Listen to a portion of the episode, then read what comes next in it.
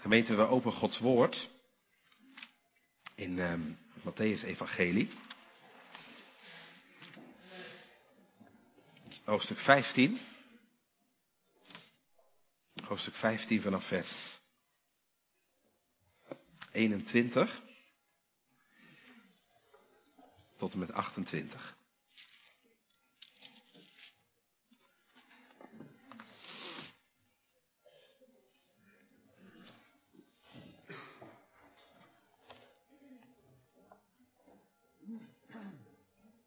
Matthäus 15 vanaf vers 21.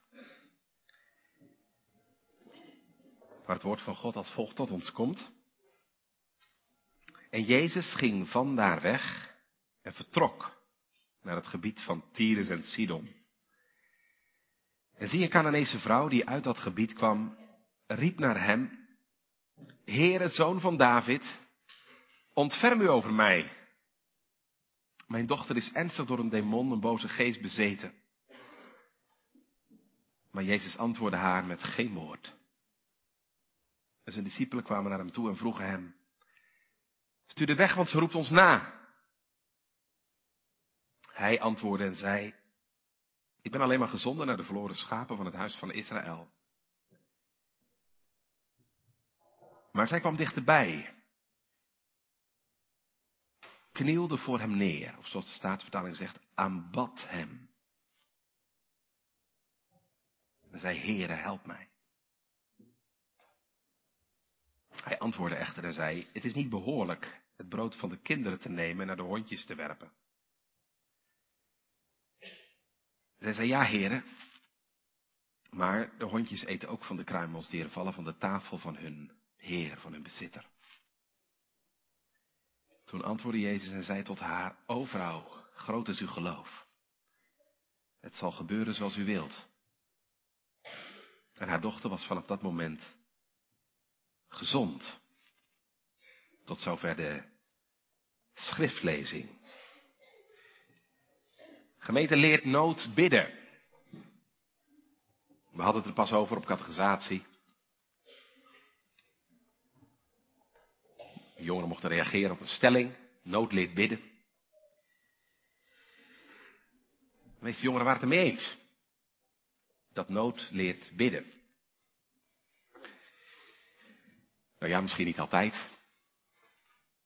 Dat was toch meneer Jacques van Dijk die zei het is niet nood. Die leert bidden, het is de Heilige Geest die leert bidden en dat is natuurlijk helemaal waar. Maar ik denk dat het soms wel zo is inderdaad, dat nood je kan aanzetten tot gebed. In de geschiedenis van vanmorgen is dat in elk geval wel het geval. De nood van deze vrouw doet haar roepen tot Jezus. En we zullen van gemeente vanmorgen niet alleen zien dat nood leert bidden, maar we zien vanmorgen ook nood breekt wet. Nood breekt wet. Want ondanks dat Jezus haar niet antwoordt, en het lijkt alsof hij haar niet helpen wil, trekt zij zich daar niets van aan. En houdt ze net zo lang bij de Heer aan totdat ze krijgt waar ze om vraagt. Ik wil vanmorgen met u stilstaan bij deze geschiedenis. Geschiedenis van de Canaanese vrouw. De gemeente, dat is geen mooi verhaal van lang geleden. Maar dit is een verhaal voor u en voor mij en voor jou. Want wat deze vrouw deed, dat moeten jij en ik ook leren. Met je nood komen tot Jezus. Het zij voor jezelf, je eigen nood. Het zij voor anderen. Je kinderen, zoals bij deze vrouw. Of, of wie dan ook maar Jezus hulp nodig heeft. Ik wil met u nadenken over uh, het thema wat ik boven de preek geschreven heb. Komen tot Jezus. Komen tot Jezus. Let op vier gedachten. In de eerste plaats staan we stil bij de belemmering. Bij dat komen. In de tweede plaats letten we op de volharding in dat komen. Want zij blijft bij de Heer aanhouden, zelfs als hij haar eigenlijk afwijst.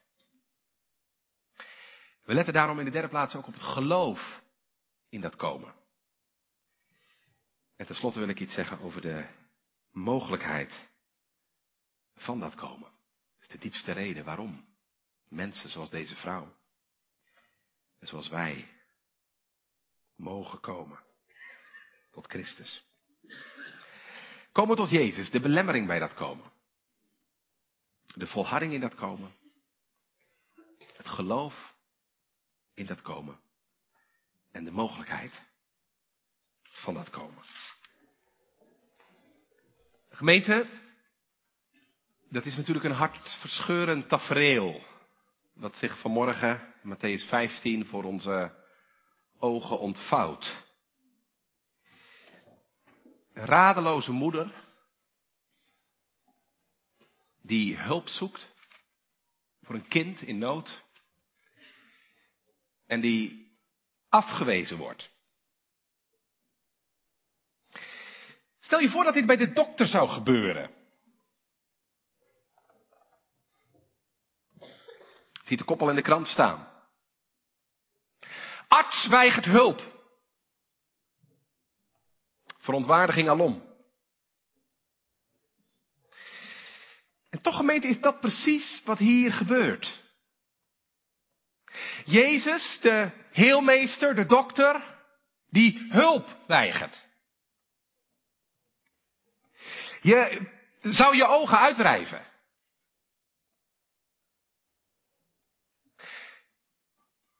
Zo kennen we de Heer Jezus toch niet? Kent u iemand? Blinde, melaatse, een zondaar gekweld door zijn schuld, die te vergeefs een beroep op hem deed? Kent u zo iemand? Kun jij zo iemand in de Bijbel aanwijzen? Ja. Hier.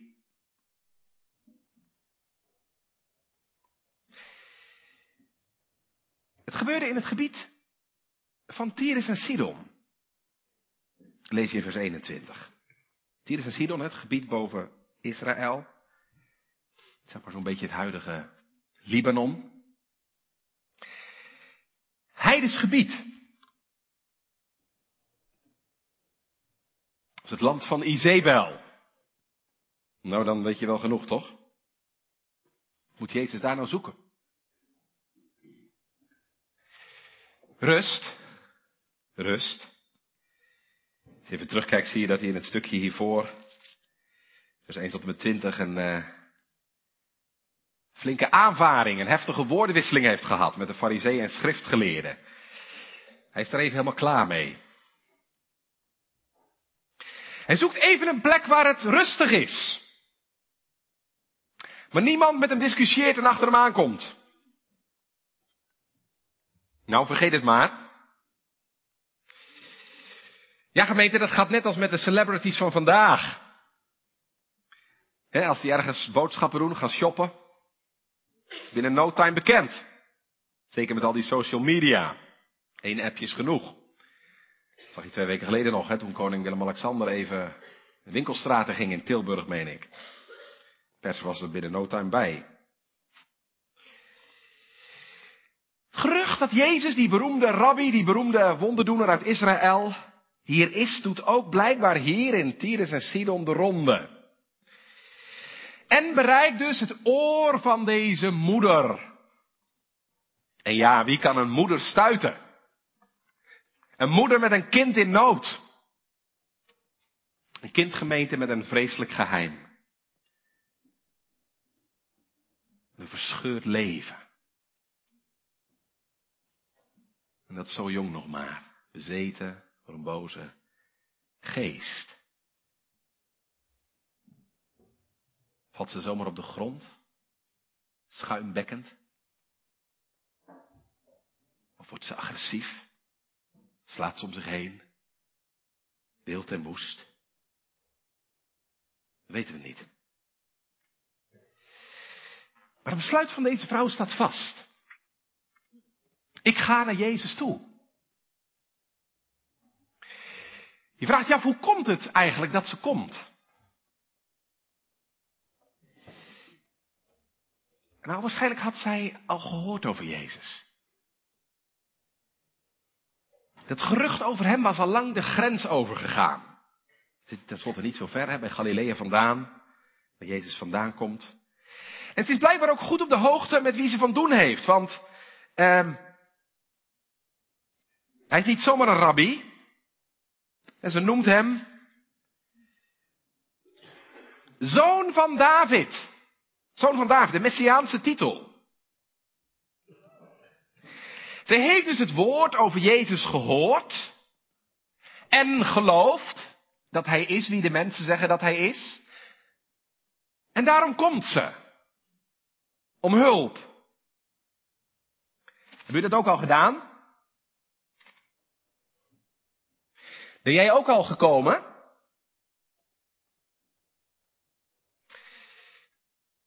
U hebt allemaal het woord over Jezus gehoord. En gemeente, dat was een goed gerucht.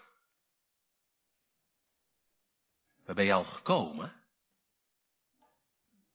Om hulp? Omdat de nood je voordreef?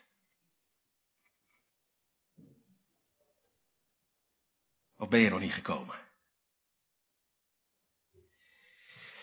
Ja, je vraagt je als dominee wel eens af, waarom komen zoveel mensen die wel over Jezus horen, toch niet tot Hem? Of zou dat in Veenendaal beter zijn dan bij ons in Zeeland? Waarom horen zoveel over de goedheid van Christus, maar komen niet? Waarom kunnen zoveel het toch zonder Jezus stellen?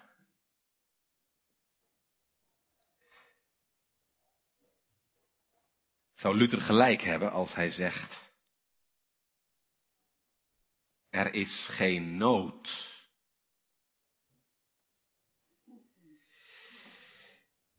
Ja, en als er geen nood is gemeente, al hoor je nog zoveel over de goedheid van de Heer Jezus.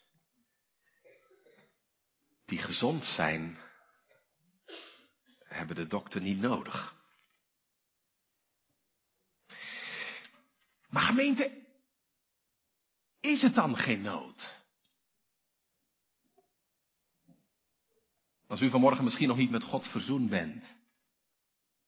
Als jouw zonden nog niet vergeven zijn.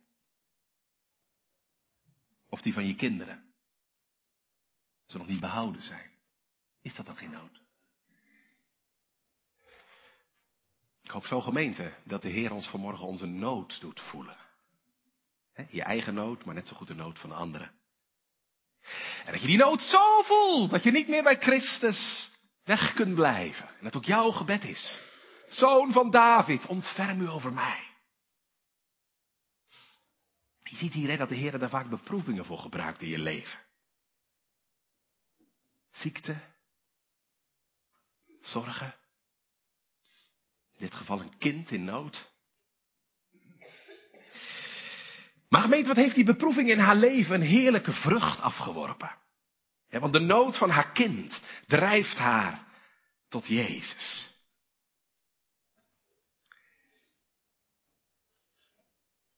Wat een gemeente. Als je zo'n moeder mag hebben. Moeders die de nood van hun kinderen bij Jezus brengen. Doet u dat ook, moeder? Als je je zorgen maakt over je kinderen. Over hun gezondheid of als ze geplaagd worden op school. Niet zo lekker in hun vel zitten. Maar ook als je je zorgen maakt over de wereld waarin ze opgroeien. Je zorgen maakt over hun geestelijke gezondheid. Breng je ze bij Jezus. Heer, houd ze vast. Heer, bekeer ze. Heer, werk met uw geest in hun hart en verbind ze aan u en uw dienst. Wat een zegen. Als je zo'n moeder mag hebben. Want zoals Ryle zegt, waar een biddende moeder is, is altijd hoop.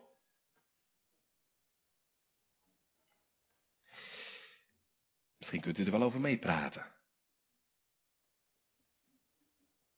Je had hier misschien niet meer gezeten. Zonder de gebeden van je moeder. Maar dat was een moeder. Die haar nood, jouw nood, bij Jezus bracht. En een hart voor hem uitstortte. Heere, ontferm u. Deze moeder brengt haar nood, de nood van haar kind bij Jezus.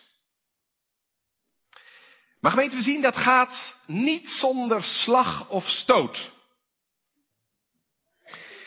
In dat komen tot Jezus zijn vaak de nodige belemmeringen. En dat zien we ook hier. Dat is onze eerste gedachte, de belemmering bij dat komen. Welke belemmeringen zijn dat nou? Dat zijn er wel een paar. De eerste vind je gelijk al in vers 22.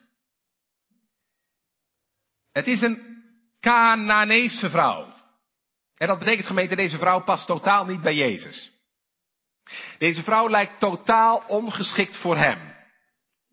Jezus, Joodse rabbi, en deze heidense vrouw. Grote contrast lijkt haast niet mogelijk. Want in de eerste plaats is een vrouw. En u weet wel, in het Midden-Oosten spraken mannen en vrouwen elkaar niet in het openbaar. Dat was totaal ongepast. In de tweede plaats is niet alleen een vrouw, het ook nog een heidense vrouw. Joden en heidenen verachten elkaar. En dan is er tenslotte ook nog een dochtertje met een onreine geest. Meisje dat occult demonisch belast is. Nou, dan moet je daarmee aankomen bij een Joodse rabbi. Dus je ziet gemeente in de optiek van, de, ja, van deze tijd, van haar tijd, heeft deze vrouw alles tegen zich en is er niets wat voor haar pleit. Niets om zich bij de Here aan te bevelen. Ongeschikt om tot Jezus te komen. Ja, gemeente, zo gaat dat vaak. Als je Jezus nodig krijgt. Dan ga je iets zien en voelen van je ongeschiktheid. Want Gods wet veroordeelt je. En je zonde klaag je aan. En je schuld drukt je neer. En je afkomst, net als deze vrouw, pleit tegen je.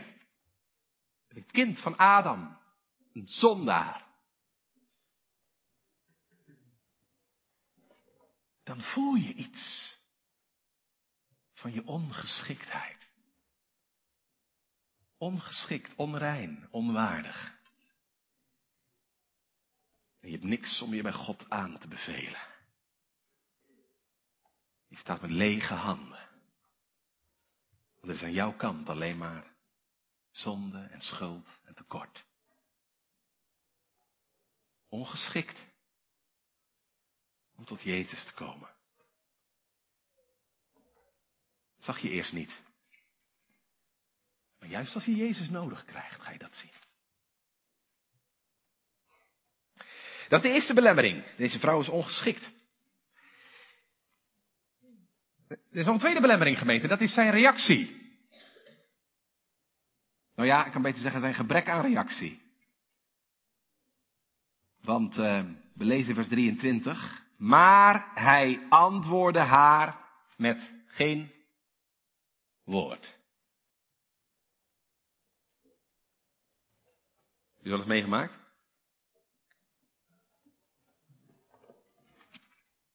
Dat je iemand iets vraagt en dat hij je gewoon straal negeert.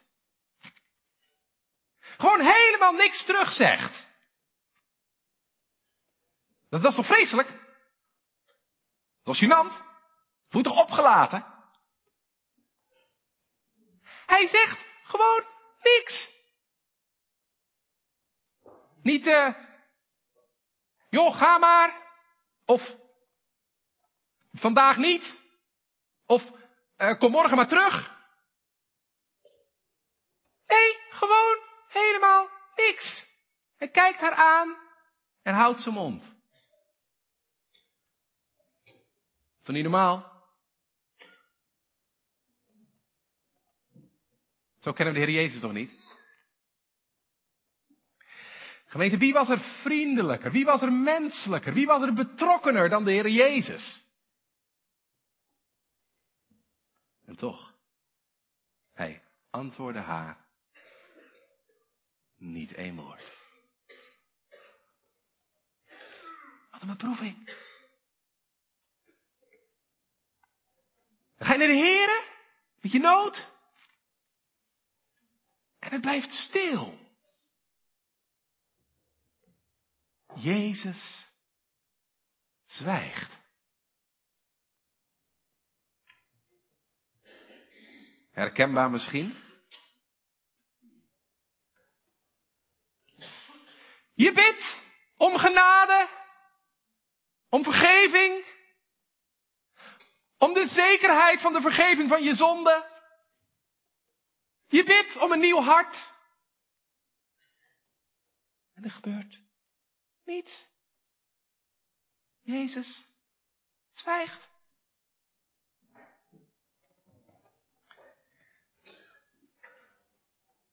Gemeente, je ziet het hè. Op de weg naar het komen tot Jezus liggen wat beproevingen.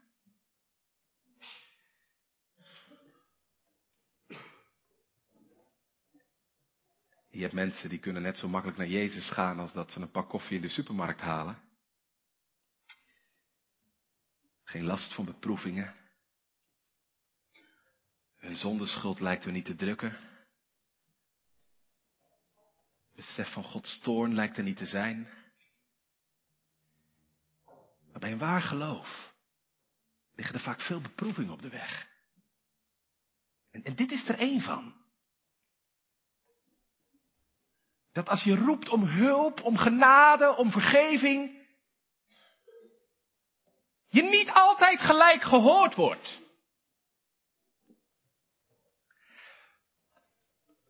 Gods belofte is wel, bid en u zal gegeven worden. Zoek en je zult vinden. Klop en er zal open gedaan worden. Maar Gods horloge, zegt Kolbrugge, loopt vaak wel anders dan dat van ons. En wat kan dat een beproeving zijn? Je bidt en je roept. Maar de hemel lijkt wel gesloten.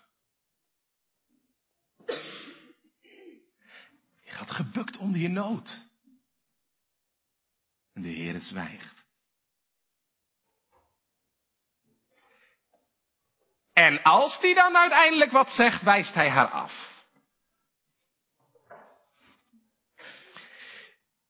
Die discipelen worden op een gegeven moment zo zat.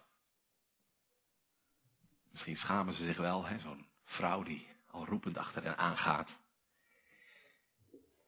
Dat ze zeggen, vers 23, stuur haar weg.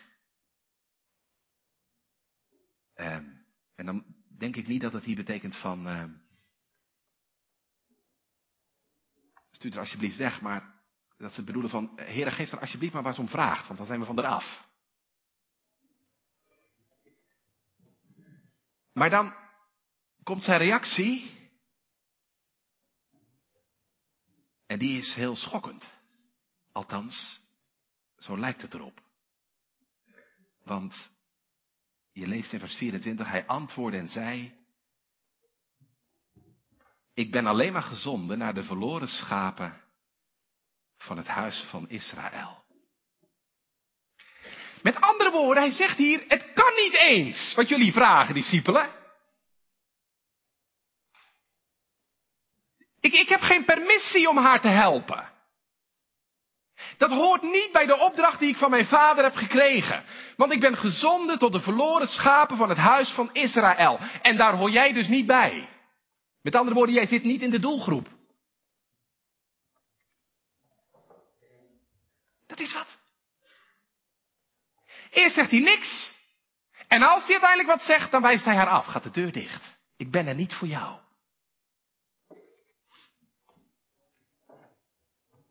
Waarom deze reactie?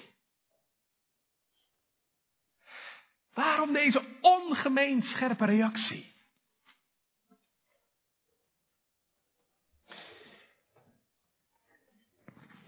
Twee antwoorden. U snapt toch wel, hoop ik gemeente, dat Jezus dit doet om haar te beproeven.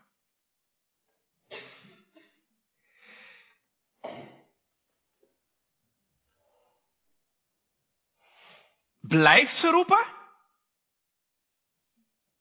Of loopt ze weg? Houdt ze aan? Of druipt ze teleurgesteld af? Calvijn zegt zo mooi. Christus doet dit niet om het geloof van deze vrouw neer te slaan. Kapot te maken. Maar veel eer, zegt Calvijn, om haar ijver aan te wakkeren. En de gloed van haar geloof aan te blazen. Dat is reden één. Hij doet het om haar te beproeven. En de tweede reden, dat hebben we eigenlijk al gezien, hè. Het is de tijd nog niet. Op dit moment, in deze fase van Jezus optreden, beperkt zijn missie zich tot Israël. Dat is mijn werkterrein en daartoe moet ik mij beperken.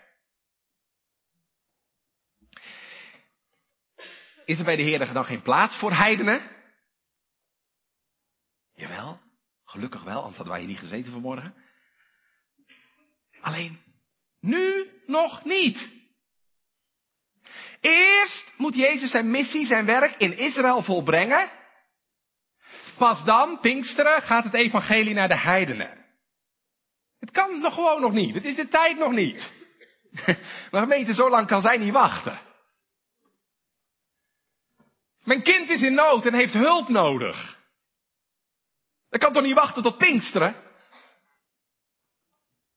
Nood breekt wet. En dat brengt ons gemeente op onze tweede gedachte, de volharding in dat komen. We hebben iets gezegd over de belemmeringen in dat komen. Denk in de tweede plaats over de volharding in dat komen.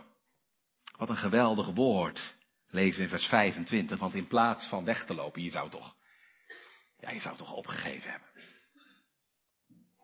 Maar we lezen vers 25, maar zij kwam dichterbij, knielde voor hem neer, veel te zwak vertaald in de HSV, aanbad hem staat. Here, help mij. Dat Jezus haar de hulp die zij nodig heeft onthoudt, maakt haar er juist des te begeriger en verlangender naar. Of ik nou Jood ben of niet, ik laat u niet gaan. Mag ik eens vragen, is de nood in uw leven wel eens zo hoog gekomen? Zo hoog gemeente dat je ook niet meer kon wachten.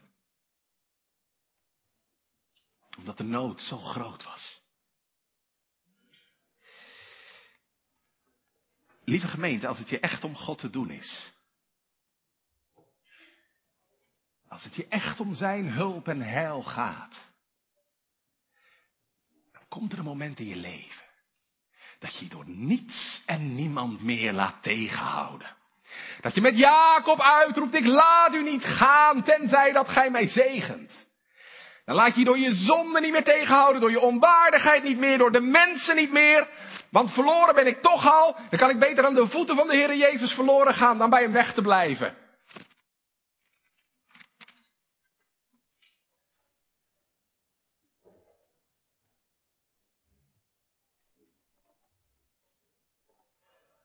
Zijn er vanmorgen mensen die door Jezus geholpen moeten worden? Weet je vanmorgen dat je jezelf niet helpen kunt? Dat Hij eraan te pas moet komen? Dat Hij het moet doen?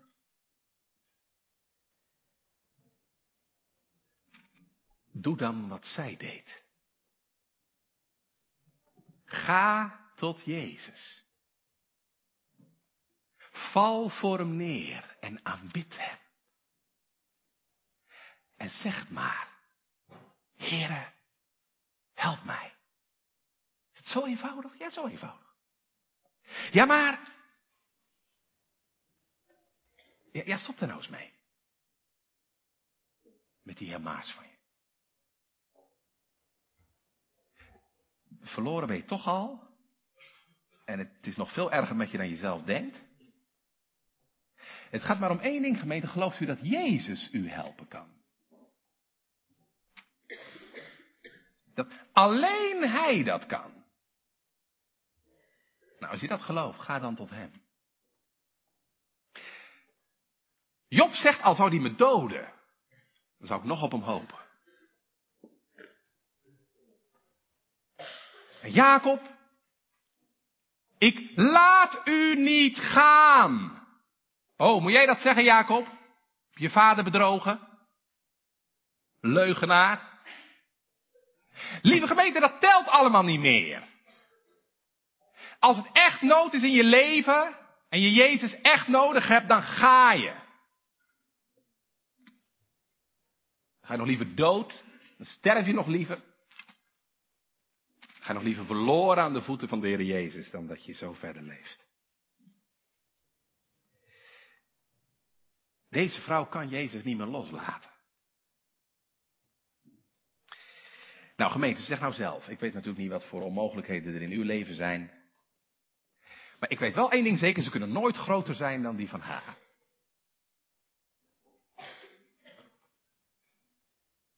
Heeft God ooit wel eens tegen u gezegd, het kan niet voor u, het is niet voor u, zoals tegen deze vrouw? Tegen haar zei hij het en toch hield ze aan.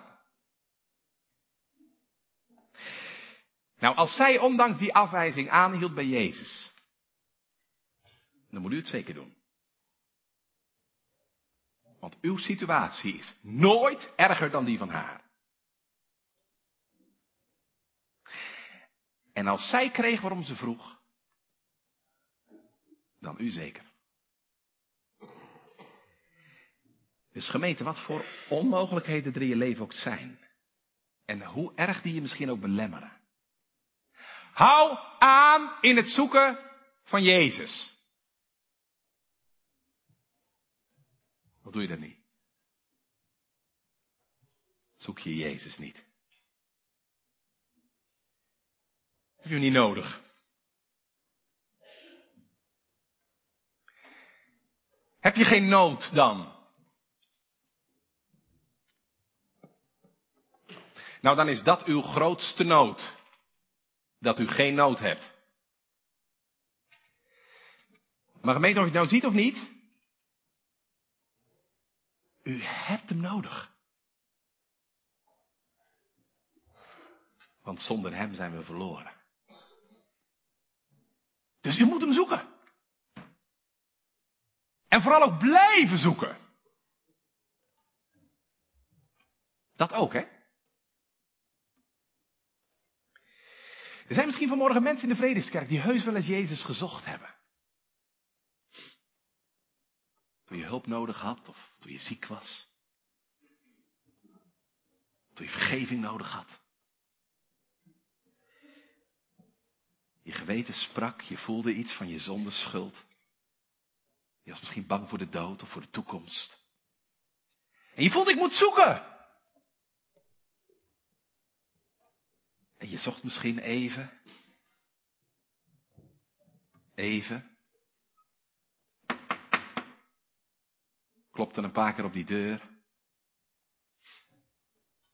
Er kwam niet direct reactie. En teleurgesteld droop je weer af.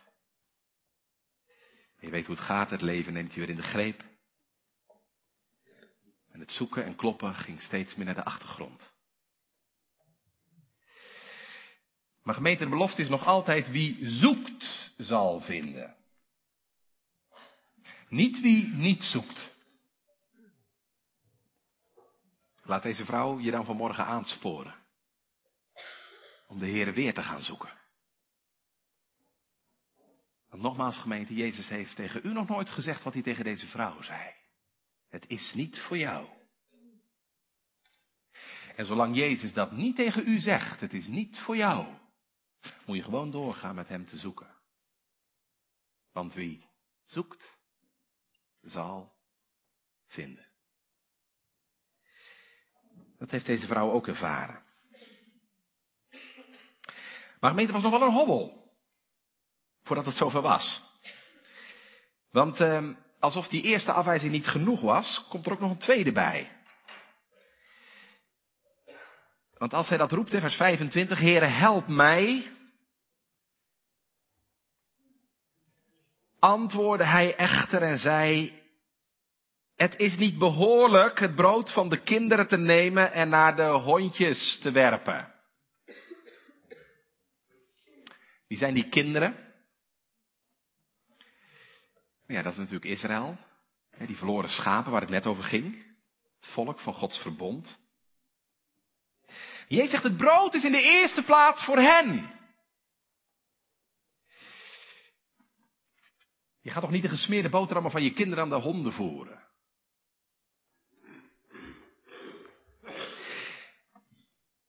Nee, let er even goed op gemeente. Jezus zegt niet dat er helemaal geen brood is voor de heidenen.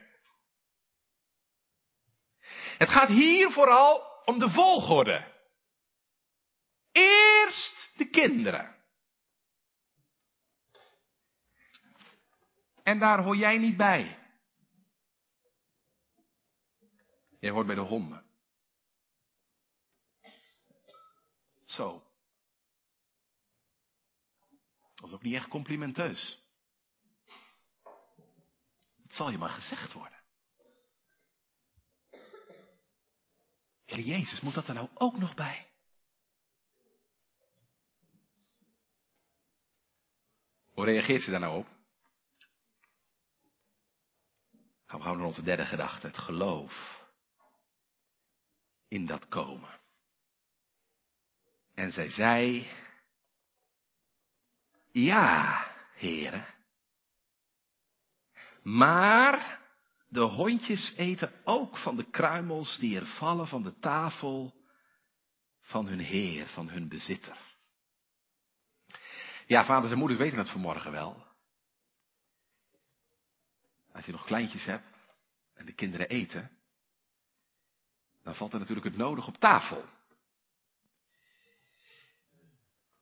En die kruimels, die brokjes, die komt de hond graag halen. Als je tenminste natuurlijk een hond hebt. Ik herinner me bij mijn vrouw thuis. De maaltijd voorbij was, dan kwam Erro de hond onder de tafel schoonlikken. Dat is voor de honden. Ja, heren. En dat is het moment, gemeente, dat Jezus zich gewonnen geeft. O vrouw, groot is uw geloof. Het zal gebeuren zoals u wilt. Gemeente, wat is dit voor geloof? Waar Jezus zo complimenteus over is. Wat is dit voor geloof? Dat is belangrijk, want dit is het geloof, gemeente, wat u en ik ook moeten hebben.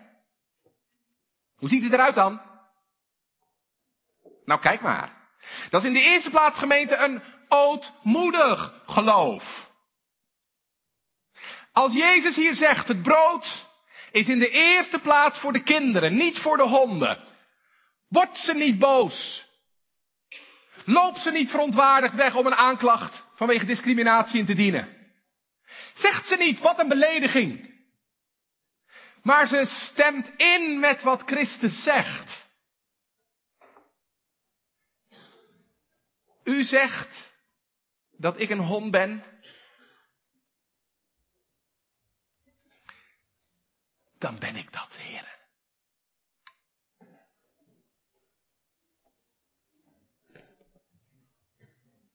Doe je dat ook?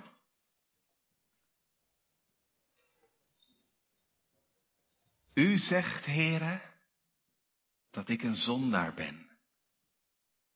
Een goddeloze. Een onreine. Dan ben ik dat, Heere. Dat hoort gemeente bij waar geloof. Dat je weet en ziet dat God gelijk heeft in zijn aanklacht over je leven. En dat je alleen maar kunt zeggen, ja u hebt gelijk. Ootmoedig geloof. Maar gemeente is niet alleen maar een ootmoedig geloof, het is ook een vasthoudend geloof. Mooi hè? Ondanks dat ze haar onwaardigheid voelt, ben een hond, houdt ze toch aan. Net zolang tot ze krijgt waarom ze vraagt. Tim Keller zegt, ze klampt zich aan Christus vast met een rechteloze vasthoudendheid. Mooi gezegd. Rechteloze vasthoudendheid. Rechteloos heeft geen rechten. En toch vasthoudend. Want ze weet dat hij goed is. En ze weet dat hij al zoveel geholpen heeft. En ze weet hij kan niet van zijn woord af. Rechteloos vasthoudend. Kunnen we van leren, gemeente. Kijk, weet u, als het gaat om het komen tot Jezus, zijn er altijd twee gevaren. De eerste is dat je je te goed voelt. Ja? Dat je je te goed voelt om je onwaardigheid voor God te beleiden. Hoe komt dat? Omdat je zelf nog niet kent zoals God je ziet. Arm, ellendig, vuil en schuldig. En zolang u dat niet ziet, gemeente, zult u nooit zeggen wat deze vrouw zegt. U hebt gelijk, heren. Ik ben een arme, verloren zondaar. Dus dus het eerste gevaar, dat je te trots bent. Waardoor je voor God niet wilt erkennen dat je een arme, verloren zondaar bent. En niet wil instemmen met Gods oordeel en aanklacht over jouw leven. Er is nog een tweede gevaar. Je kunt denken dat je te goed bent. Je kunt natuurlijk ook denken, gemeente, dat je te slecht bent. En dat gevaar is net zo groot. Dat je denkt, het is niet voor mij. Het kan niet voor mij. Het is te groot. Dat ben ik niet waard. Te slecht, te zondig, te vuil, te vies, noem maar op. gemeente, hoe ootmoedig dat misschien ook klinkt, ook die houding kan je bij Christus vandaan houden. Maar natuurlijk ben je het niet waard, maar met alleen maar dat te erkennen kom je niet verder. Doe niet alleen jezelf tekort, maar doe je ook de Heer zo eindeloos tekort. De Heer die goed is voor slechte mensen.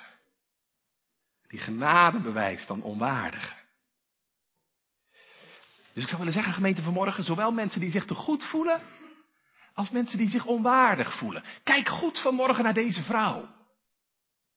Zij beleidt haar onwaardigheid, maar klampt zich tegelijkertijd vast aan Christus en zijn woord. En dat is het derde wat we van haar geloof kunnen leren, gemeente. Ik zei, het is een ootmoedig geloof, het is een vasthoudend geloof.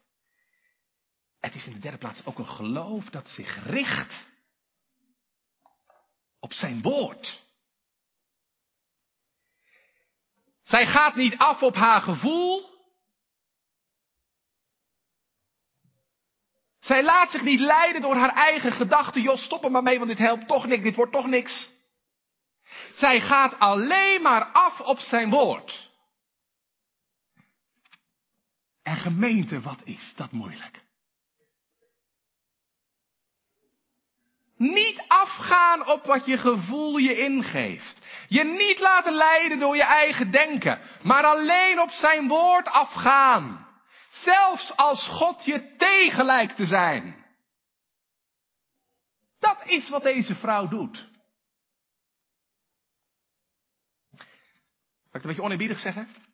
Zij pakt Jezus op zijn eigen woord. Deze vrouwgemeente gaat heilig redeneren. U zegt dat ik een hond ben? Nou, dan weet u wat honden doen, hè? Die eten de kruimeltjes toch op als de kinderen klaar zijn? Dan is er ook voor mij te eten. Dan is uw genade niet alleen voor de kinderen, maar ook voor mij. Dat moeten wij ook leren.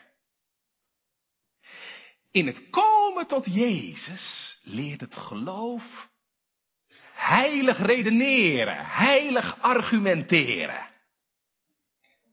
Heren, u zegt het toch dat u gekomen bent om te zoeken en zalig te maken wat verloren is? Wel, heren, dat ben ik, verloren. Maar als u er voor verloren bent, dan bent u er ook voor mij. U hebt het toch gezegd, deze ontvangt de zondaar en eet met hen? Wel, heren, dat ben ik. Zondaar. Maar dan bent u er toch ook voor mij. Hé, hey, doe je dat ook? Ken je dat heilige onderhandelen met de Heer? Dat argumenteren op grond van zo'n woord en belofte. Dat is niet brutaal, mee, dat mag. Dat ziet de Heer graag. Als je net als deze vrouw je voor God verootmoedigt en, en God gelijk geeft in zijn erkenning van je zondaar zijn en van je verlorenheid, mag je ook aanspraak doen op zijn belofte. Dat hij voor zondaren gekomen is.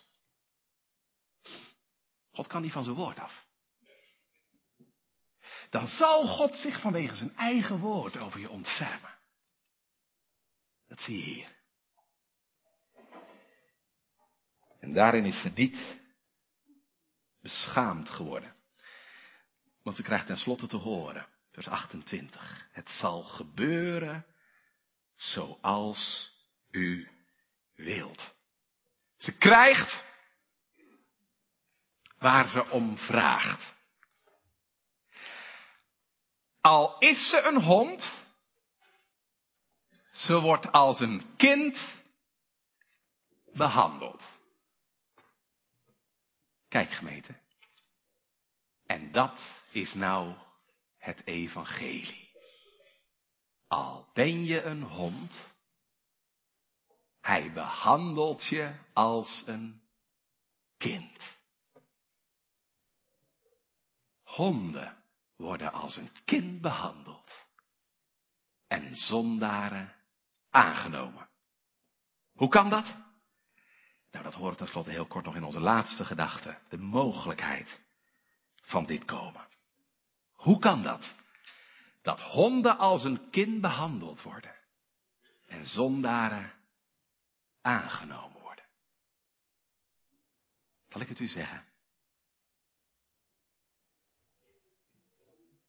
Omdat er één geweest is die precies hetzelfde heeft doorgemaakt als deze vrouw.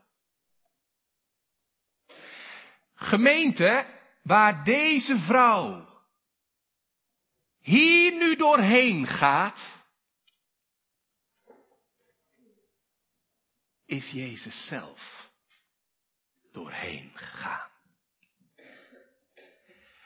Wat deze vrouw hier meemaakt, heeft Jezus op Golgotha zelf meegemaakt. Hoort u hem roepen? Hoort u hem roepen?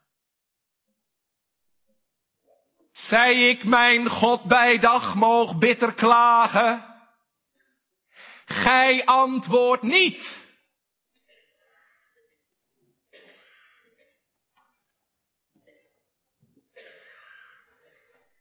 Maar net zoals deze vrouw door de afwijzing heen op de Heere blijft hopen.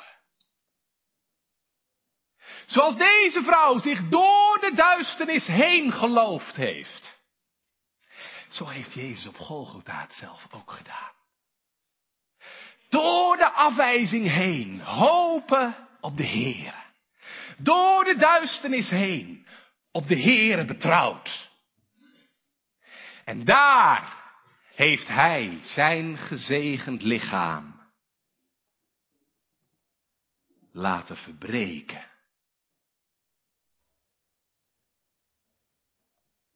laten verkruimelen.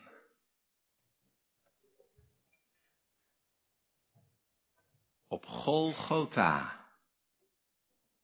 wordt het brood des levens verkruimeld. Opdat wij eten mogen. Niet meer als honden, maar als kinderen. Met Abraham, Isaac en Jacob aan tafel kunnen gaan in het koninkrijk van God. Om Jezus wil. Ja, het brood is voor de kinderen. Maar op Golgotha wordt het kind buiten gezet. Zonder een kruimeltje. Weggestuurd van tafel. Zodat zij, die Gods kinderen niet waren, aangenomen kunnen worden. Het kind wordt een hond. Als een hond behandeld. Zodat de honden kinderen kunnen worden. Je zegt, hoe weet je dat? Dat je een kind bent? Weet je waar je dat kunt weten? dat je kind bent? Dan voel je je een hond. Ik ken zo iemand. Hij heette Mephiboset. Kreupel werd hij aan tafel gezet bij de koning. En wat zei hij toen? Hoe kan het dat u omgezien hebt naar een dode hond als ik ben? Kijk, dat is de taal van kinderen. Of word je nou boos?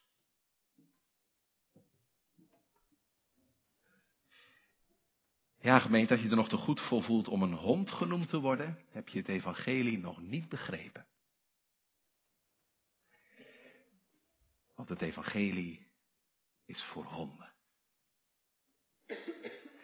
Maar honden worden kinderen.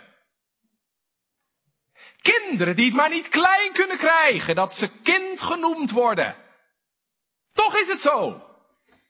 Zie hoe grote liefde ons de Vader gegeven heeft, dat we kinderen van God genoemd zouden worden. Het is Gods eer om honden tot kinderen te maken. En daarom, lieve gemeente, kan het.